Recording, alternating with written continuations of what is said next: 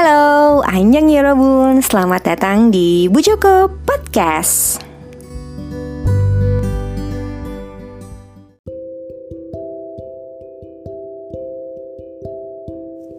Yorobun Anyong, selamat datang kembali di Bu Joko Podcast. Um, gue mau mereview sebuah drama Jepang kali ini, tapi sebelum gue mereview, gue mau bilang satu hal, nggak satu hal sih, sesuatu gitu maksudnya um, jadi gue memutuskan untuk um, menutup akun Instagram Bu Joko underscore podcast. Uh, ya karena satu hal lah ya. Jujur gue tuh suka ngerasa kayak gue kayak nggak disukain deh sama orang gitu. Um, dan buat gue itu nggak uh, nyaman gitu. Jadi akhirnya ya daripada gue uh, terus-terus terpuruk sama perasaan kayak gitu uh, dan gue juga habis mengalami satu hal gitu ya yang sebenarnya bukan uh, apa ya bukan hal baru lah ya. Itu udah sesuatu yang udah gue rasain udah lama gitu. Cuman kayak kemarin tuh emang ya emang udah saatnya meledak gitu kali ya. Gitu. Jadi ya udah gue muncul untuk uh, oke. Okay. uh, gue tutup akun uh, pod, apa akun podcast di Instagramnya um, jadi mungkin ke depannya gue hanya akan uh, fokus buka Instagram di akun yang satu di dengerin Lea karena itu memang buat kerjaan dan buat ikut-ikut challenge sih gitu aja. Jadi um, mungkin akan sangat jarang on. Gue juga lagi memikirkan untuk um, gimana ya caranya supaya uh, Yorobun tetap bisa uh, update sama episode terbarunya juga Podcast gitu ya tapi mungkin so far cara yang paling mudah adalah kalian uh, follow dulu nih Spotify-nya Bujuku Podcast. Terus kalian nyalain uh, loncengnya supaya emang apa namanya kalian jadi tahu nih kalau misalnya gue ada update episode terbaru seperti itu. Um, by the way tadi seperti yang udah gue janjikan bahwa gue uh, mau mereview sebuah drama Jepang. Iya bener drama Jepang. Karena nggak tahu ya selesai nonton uh, See You at my 19th life terusnya apa yang si Juno itu sama Yuna gue jadi kayak bingung mau nonton apa lagi ya gitu. Terus kayak iseng gue melihatlah sebuah drama ini gitu yang kayaknya banyak juga yang nonton gitu ya. Judulnya adalah uh, Burn the House Burn the House Down. Jadi um, apa gue juga jujur aja beberapa nggak beberapa bahkan semua orang yang ada di drama ini di drama ini gue baru lihat gitu. Karena gue termasuk yang jarang ya nonton drama Jepang ini. Ini sedikit banget episodenya kayak cuman berapa ya? Delapan apa episodenya? Bentar bentar bentar. Gue cari tahu dulu. Kalau gue nggak salah itu kayak delapan apa sembilan gitu. Pokoknya dikit deh nggak sampai 12 dan ini bagus menurut gue. Memang mungkin di awal-awal kayak uh, agak gimana ya agak uh, dengan cuma 8 atau 9 episode itu gue lupa sorry banget. Itu kayak bener-bener agak lambat sih ceritanya tapi banyak banget plot twistnya. Even sampai di episode terakhir pun itu kayak plot twistnya masih ada banget gitu di awal-awal tuh kayak kita udah nebak ini pasti dia pasti dia. Karena ini juga tentang apa ya memecahkan sebuah um, kasus gitu ya. Kayak siapa sih pelakunya gitu. Kan judulnya aja udah uh, burn the house down gitu. Jadi ini otomatis cerita udah um, secara garis besar udah diceritain bahwa ini tentang pembakaran sebuah rumah gitu kan. Oke okay, sebelum kita ke uh, plot sinopsis kita kenalan dulu sama tokoh-tokohnya atau para pemerannya ada Mei Nagano yang berperan sebagai Anju Murata atau Yamauchi Shizuka. Jadi dia memerankan dua karakter. Lalu ada Kyoka Suzuki yang berperan sebagai Makiko Mitarai. Ada Asuka Kudo yang berperan sebagai Kiichi Mitarai. Ada Taishi Nakagawa yang berperan sebagai Shinji Mitarai. Ada Yuri Sunematsu yang berperan sebagai Yuzu Murata ada Kie Kitano yang berperan sebagai Kurea, ada Michiko Kichise yang berperan sebagai Satsuki Murata, ada Mitsuhiro Oikawa yang berperan sebagai Osamu Mitarai. Tadi udah kelihatan tuh kayak nama belakangnya ada yang sama-sama kan. kalau Anzu Murata dengan uh, Yuju Murata itu kakak adik. Mereka punya ibu yang namanya Satsuki Murata. Ya kan? Dulu Satsuki Murata itu menikah dengan Osamu Mitarai yang adalah orang tuanya dari Anju Murata dan juga uh, Yuju Murata ya kita jadinya kita langsung ke plot ya tapi kemudian karena satu hal akhirnya ibu Satsuki Murata ini bercerai dengan Osamu dengan bapak Osamu Mitarai gitu dan akhirnya Anju Murata dan juga uh, Yuju Murata ikut ibunya nih ikut uh, si Satsuki Murata. Oke, okay. kenapa bisa kayak gitu? Jadi semua ini berawal dari 13 tahun yang lalu gitu ya. Jadi ini ceritanya lumayan maju mundur tapi tidak mengganggu. Untuk gue yang kurang suka dengan plot yang maju mundur karena bikin bingung, ini termasuk yang sebenarnya nggak terlalu pusing gitu kayak oke okay, masih bisa diikutin gitu. Nah jadi 13 tahun yang lalu tuh terjadi kebakaran, terjadi kebakaran yang besar gitu ya di kediaman keluarga Mitarai ya kan? Otomatis di rumahnya si Anju di rumahnya si Yuju dan ibu Satsuki Murata. Eh iya. Pada saat itu namanya tentu saja nama belakangnya ikut nama suaminya Mitarai gitu. Jadi pada saat itu kebakaran hebat gitu kan melanda rumah tersebut. Rumahnya mewah karena rumah um, keluarga yang punya rumah sakit Mitarai jadi ada sebuah rumah sakit di daerah situ namanya Mitarai tepat di belakang rumah itu. Ya kan rumah sakit keluarga otomatis semuanya mewah tapi tiba-tiba hari itu kayak menjelang waktu makan malam tuh tiba-tiba kebakaran hebat gitu. Dan pada saat itu yang dipersalahkan adalah si ibu Satsuki Mitarai pada saat itu yang masih Mitarai ya pokoknya ibu Satsuki gitu. Dan uh, somehow dia pada saat itu bikin semua orang jadi ngerasa oh iya emang si ibunya nih yang teledor gitu yang tidak mematikan kompor pada saat selesai memasak gitu selesai memasak makan malam gitu. Karena apa? Karena si ibu Satsuki ini berlutut gitu ya kayak apa sih kayak berlutut bersujud gitu minta maaf sama uh, suaminya sama si Pak Osamu dan juga sama anak-anaknya. Kalau saya minta maaf telah menyebabkan kebakaran ini itulah saya minta maaf gitulah pokoknya kalau nggak salah. Akhirnya tanpa investigasi lebih jauh gitu kan mereka ya percaya kalau dan mempersalahkan hal tersebut kepada Bu Satsuki gitu.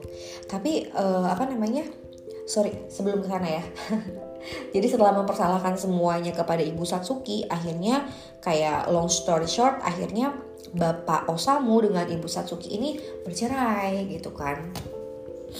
Bercerai lalu uh, ya si anak-anak ini si Anju dan juga si Yuzu ikut ibunya kayak pindah-pindah ke keluarga ibunya. Sebenarnya ibunya juga keluarga orang kaya cuman karena pada saat itu udah nikah jadi kayak mungkin uh, berlepas tangan lah ya keluarga dari pihak ibunya gitu. Yang akhirnya membuat mereka bertiga hidup bersama terus kayak ya kesulitan lah gitu. Entah gimana ceritanya nggak diceritain detail juga tapi si Pak Osamu ini kayak ya kalau kita makan di Indonesia ya kalau misalnya orang tua bercerai itu pasti si bapak punya kewajiban untuk uh, menafkahi gitu. Nah ini tuh kayaknya enggak. Jadi mereka tuh struggle bertiga. Sampai akhirnya si ibu ini sakit gitu. Si ibu Satsuki ini sakit dan dia kayak apa namanya um, hilang ingatan tapi apa ya parsial atau apa. Pokoknya dia um, dia itu hilang ingatan. Apa sih namanya? Oh hilang ingatan istilah medisnya gue lupa. Oke dia hilang ingatan tapi um, sepenuhnya dia hilang. Jadi kayak parsial gitu nah terus uh, si Anju sebagai kakak tertua nggak tinggal diam dong kayak gue nggak percaya kalau ibu yang melakukan hal itu gitu kan bersama Yuzu gitu. Tapi gimana caranya ya? gitu. Ya udah sekarang kita investigasi aja. Maksudnya kita cari sendiri aja pembunuhnya setelah 13 tahun kemudian ya gitu setelah mereka sama-sama dewasa gitu. Kayak kita harus ngebuktiin bahwa ini tuh bukan salahnya ibu gitu. Karena si ibu ini ternyata um, berpikir dalam dirinya tuh dia nyalahin diri sendiri juga karena mungkin emang dia kali ya gitu. Uh, saya yang lupa matiin kompor gitu sehingga kebakaran bisa terjadi gitu. Jadi ibu Sasuke ini hidup setelah kebakaran itu tuh kayak menyalahkan dirinya gitu sampai akhirnya ya mentalnya terganggu gitu. Nah yang dua ini nggak percaya gitu kalau ibunya emang yang ngelakuin itu gitu anaknya. Si anaknya nggak percaya. Jadi mereka akhirnya 13 tahun kemudian mereka mencari tahu mau tahu siapa sih sebenarnya yang ngelakuin itu. Karena pada saat itu juga uh, pada saat kejadian terjadi si Anzu ini melihat sahabat ibunya ya sahabat ibunya itu tertawa melihat kobaran api. Kok dia bisa tahu tuh sahabat ibunya? Karena sahabat ibunya adalah ibu dari teman sekelasnya Anju ngerti nggak? Jadi kayak mama-mama sekolahan gitu ya kan? Mamanya si Anju ini kan mama-mama kaya. Nah berteman dengan mama-mama sederhana nih mamahnya si Kici ya kan mereka sering main ke rumah, sering makan di rumah, diundang sama ibunya gitu sama ibunya Anju. Tapi kenapa pada saat kebakaran ibunya si Kici ini salah satunya orang yang tertawa melihat api berkobar-kobar gitu. Dan situ mereka curiga. Dan setelah 13 tahun kemudian akhirnya mereka berdua uh, memutuskan untuk ya si Yuju dan si Anju uh, ber, apa memutuskan untuk ayo kita cari tahu siapa ini pelaku kebak, apa pelaku yang membakarnya gitu. Akhirnya setelah itu didapatilah mungkin kayak udah riset dulu ya sebelumnya. Ternyata uh, apa namanya mereka tahu juga bahwa yang mengagetkan adalah ibu dari si Kici yaitu adalah si Makiko yang sekarang itu tinggal di rumah keluarga Mitarai. Jadi dia menikah dengan bapaknya Anju. Sungguh sebuah plot twist kan kayak temennya eh ibunya temen kamu nikah sama bapak kamu nauzubillah min dalik ya kan? Tapi itu bener-bener kejadian di drama ini gitu. Itu yang akhirnya kayak kenapa ya kok bisa? Gitu. Dan Makiko tuh di situ jadi orang yang sangat berbeda jadi orang yang sangat tadinya dandannya sederhana bahkan eh, nggak uh, ada barang branded hanya cuma suka meniru-niru ibunya si Anzu aja. Sekarang dia benar-benar berbeda dia jadi perempuan elegan. Ya iyalah namanya juga istri direktur rumah sakit yang punya rumah sakit Witerai gitu kan dia tinggal di rumah itu dan mereka tuh yakin kayaknya sih yang ngebakar tuh dia deh. Soalnya uh, apa si ibu ini ya kan si Makiko ini pada saat kebakaran tiba-tiba dia tertawa gitu yang bener-bener happy nggak tapi terbakar. Itu kan nggak normal ya. Harusnya kalau orang ngeliat ada yang kebakaran harusnya dia akan uh, ikut sedih ikut khawatir gitu. Tapi dia tertawa. Ah, dari situ berangkat. Dari situ akhirnya si siapa si Anju ini menyamar. Nah ini agak nggak biasa sih ya. Si Anju ini menyamar datang ke kelu ke rumah keluarga Mitarai, which is itu rumah dia dulunya gitu ya, dan uh, melamar bekerja sebagai uh, asisten rumah tangga gitu. Kan kalau di Jepang asisten rumah tangga tuh kayak bukan sesuatu yang uh, umum dimiliki, jadi cuman orang yang kaya banget yang punya gitu. Nah, dia datanglah ke situ dengan identitas palsu sebagai Yamauchi Shizuka kalau gue nggak salah ya. Di situ dia kayak membongkar, bongkar, bongkar, bongkar gitu dan dia juga um, apa namanya ya nggak mulus sih sebenarnya nggak mulus uh, untuk apa jalan dia untuk mengungkap siapa sih sebenarnya uh, pelaku pembakaran rumah dia 13 tahun yang lalu bener nggak sih si Makiko gitu dan di situ juga kayak banyak obstacle-nya bahkan muncul juga si Kichi itu Kichi Mitarai yang dulunya ya temannya dia ya kan? Dulu uh, apa si Kichi dan Shinji itu kakak adik itu sering main dong sama si Anju dan si Yuzu gitu karena mamahnya berteman. Tapi sekarang jadinya awkward gitu karena mereka ketemu satu rumah dan uh, si siapa? Si Anju ini kan pakai identitas lain kan sebagai Yamauchi Shizuka kan. Tapi si Kichi jadi uh, gini loh anaknya ini anaknya si ibu uh, Makiko ya kan? Si pelakor. Gue nggak tahu deh pelakor atau bukan ya. Um, ya maybe ya pokoknya si pelakor lah ya.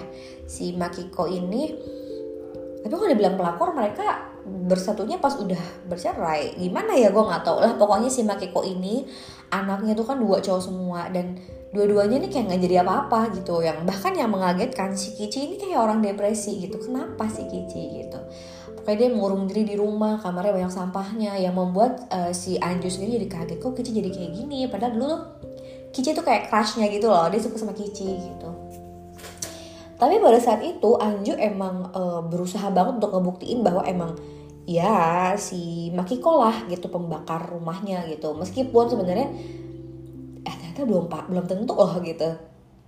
Nah, pada saat perjalanannya itu gue lumayan sebenarnya namanya gue anak drakor ya, gue berharap ada benih-benih cinta gitu lah ya di di di, di antara Kici dan juga si uh, Anzu itu gitu. Tapi kayak di awal-awal cukup hopeless sih kayak hmm, ada nggak sih gitu kayak gini banget sih gitu ya. Di kayak di tiga episode pertama lah ya gue lumayan agak boring gitu karena lama banget uh, plotnya gitu untuk untuk untuk ukuran drama yang sebenarnya nggak terlalu panjang gitu uh, episodenya. Tapi kemudian dari episode 6 ke atas itu mulai seru juga gitu. Mulai banyak uh, kelihatan kayak plot twistnya deg-degannya juga dapet banget. Gue sih paling deg-degan kalau pas uh, si Anju lagi ya lagi kerja di rumah uh, keluarga Mitaraya gitu. Karena kita nggak tahu sebenarnya dia bakal ketahuan gak ya. Dan karakter Makiko ini menurut gue juga menarik ya gitu. Dia antagonis tapi bener-bener susah ketebak. Nggak cuman dari segi apa ya kayak dialog-dialognya gitu yang susah ditebak.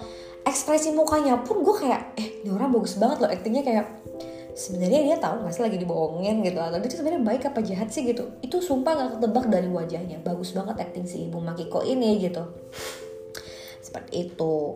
Dan menurut gue untuk drama yang cuma sedikit episodenya ini cukup um, apa ya menarik gitu loh. Seperti yang tadi gue bilang bahwa dari episode 6 ke atas itu udah udah mulai banyak oh apa ya kita udah ada angan-angan kayak oke okay, udah ketahuan nih pasti si ini sih pasti gitu. Cuman ternyata plot twist dan itu plot twistnya sampai terakhir sampai episode terakhirnya juga. Jadi kayak wah gila sih kok bisa ya orang bikin drama tuh se nggak ketebak ini gitu loh. Which is jarang gue temukan di drama Korea gitu. Ada plot twist di drama Korea tapi biasanya kita udah um, diperlihatkan di misalnya dua episode terakhir gitu. Kalau ini bener-bener di episode terakhir kita baru kayak ya ampun kok bisa begini lagi sih? Gitu. Jadi ya menarik sih menurut gue jadi buat kalian yang mungkin lagi gabut tuh kayak menonton apa silahkan nonton uh, Burn the House Down. Udah selesai episode cuma sedikit gue lupa 8 atau 9 kalian lihat aja. Kayaknya bisa deh kalau kalian mau uh, maraton mungkin Sabtu minggu ini gitu ya untuk mengisi weekend kalian. Sekali lagi buat Yorobun yang mungkin gak berkenan sama postingan gue di um, Instagram Bu Joko Podcast gue minta maaf gue mau tutup aja. Kalau kalian mau berinteraksi ke gue nanti gue uh, cantumin email gue silahkan. Mungkin berkenaan dengan podcast atau mungkin ada kerjaan ya. Silahkan kasih tau gue. Nanti gue share um, alamat email gue di profile uh, Spotify ya. Segitu aja ya Robun, dasi mandayo, anyong.